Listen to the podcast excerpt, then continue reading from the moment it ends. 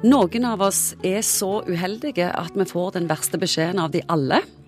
At vi har fått en virkelig alvorlig sykdom, som betyr at kroppen skal svekkes alvorlig. Livet skal aldri mer bli det samme. Eller du får faktisk beskjed om at du skal dø. Psykolog Egon Hagen, hva skjer da med menneskesinnet?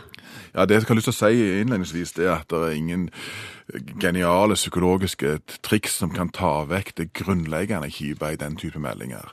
Men det er, det er, kanskje noe psykologi som kan hjelpe oss litt på å dempe noe av den katastrofen som du har fått blitt fortalt om. Hvordan pleier folk å reagere på at de får dødsbudskap på seg sjøl? Vi håndterer jo selvfølgelig dette forskjellig, eh, litt avhengig av temperament og alt sånt.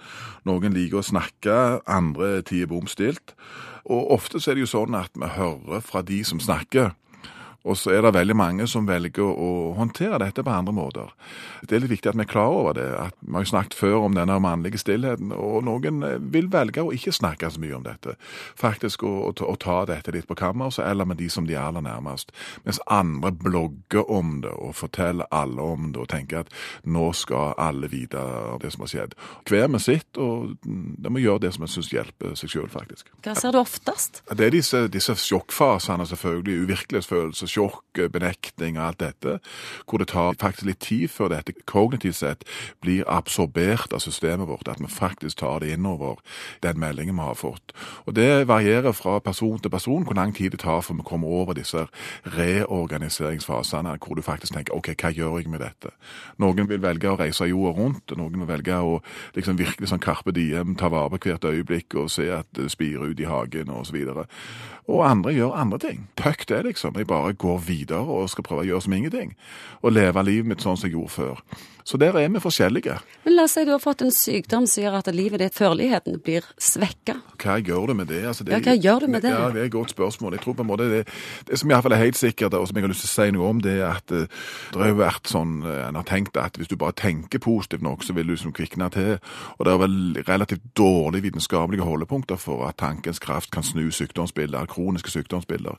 Men du kan få det bedre. Og, ja, hvordan kan en unngå å rase sammen mer enn nødvendig? Psykologiens bidrag forhold til dette vil være å prøve å styre tankene på det du faktisk kan gjøre noe med, og så må du ta tapet i forhold til de forandringene som egentlig kommer.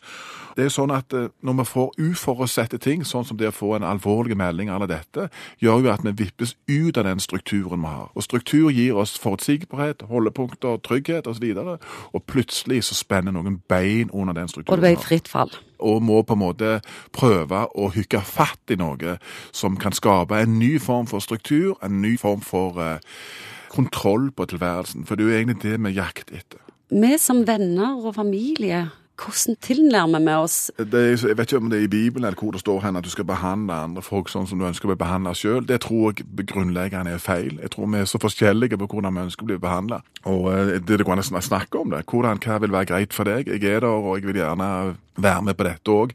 Det er ikke sånn at fordi om du har fått en sykdom, så liksom er du ute.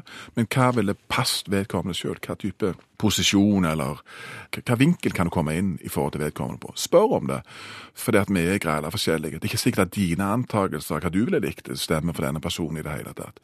Slippe inn lys, avklare forventninger, prøve å være litt tydelige på Ja, det tror jeg er generelt gode råd, egentlig. Nå kommer det et stort og vanskelig spørsmål. Du får mange av de, Egon. Når en har fått et dødsbudskap, skal en akseptere dette, eller kjempe med alle midler? Ja, det var jo ikke det var skikkelig eh, saftig spørsmål. Jeg tror at Vi kan ikke gjøre noe annet egentlig å prøve å fylle hver dag. Altså, Vi har jo alle fått et dødsbudskap egentlig. Når fra vi ble født, så vet vi at det er tilmålte tid vi har her. Men det er jo òg et interessant spørsmål å stille seg ellers. Sett nå at du hadde to år igjen leve.